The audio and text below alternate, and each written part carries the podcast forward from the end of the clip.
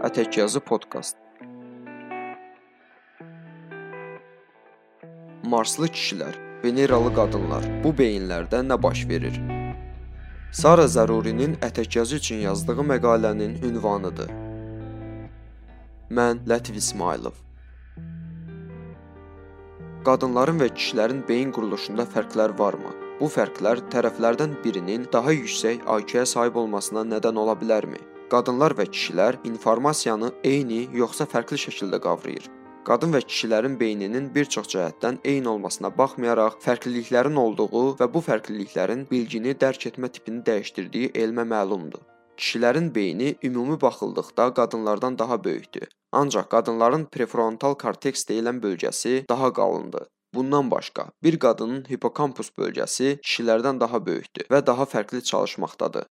Kişilərdə isə amigdala qadınlardan daha böyük və daha fərqli çalışmaqdadır.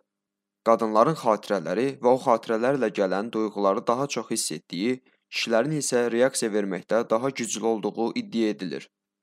Dahası, qadın beyninin iki hemisfer bir-biri ilə daha çox əlaqə qursa da, kişilərdə bu əlaqə daha çox eyni hemisfer içində qurulur.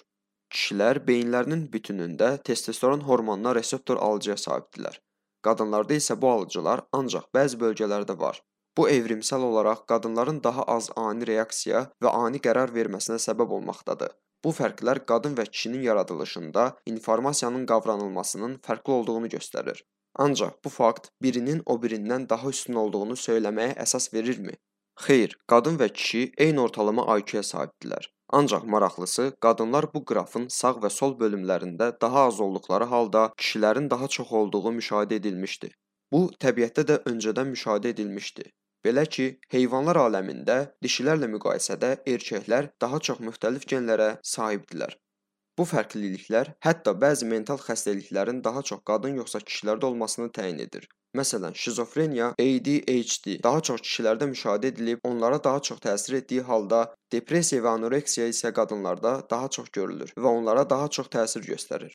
Yuxarıdakı açıqlamalara baxıldığında bu nəticəyə gəlirik ki, qadınlar daha çox xatirələri xatırlayır, pis hadisələrdən daha çox təsirlənir və bu depressiyanın səbəblərindən biri olur.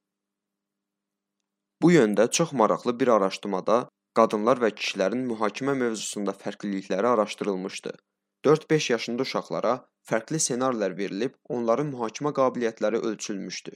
Cinayət törədən bir insanın etdikləri açıqlanaraq bu insan cəzalansınmı deyə soruşulmuşdu. Oğlanlardan daha çox iki növ cavab alınmışdı. Hə, cəzalansın, yox, cəzalanmasın. Qızlardan isə daha əhatəli cavablar alınmışdı. Qızlarda daha çox sual vermək yayğın idi. Bu insan bu cinayəti hansı durumda işlədi? Etdiyindən peşmandımı? Bu işi təkrar görmək potensialı varmı və s.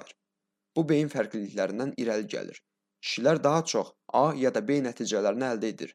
Qadınlar isə A ya B ya da bunların arası grey zon deyilən nəticələr alır. Bunu liderlikdə də görə bilərik. Kişilər liderlikdə iyerarxiya sistemini istifadə edir. Bu sistem bir idarəçi onun əlinin altında daha az səlahiyyətli işləyən və bu şəkildə davam edən bir sistemdir.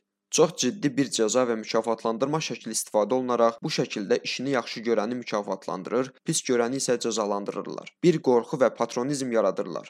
Qadınlar isə çoxlu əlaqələr qurmaq yolu ilə idarə edir. İşini pis görənə öyrənməsi üçün liderlik verir. Daha az qorxu yaradırlar. Amma eyni şəkildə xoşlanmadıkları adamı cəzalandırır, onun mənfi profilini yaradırlar.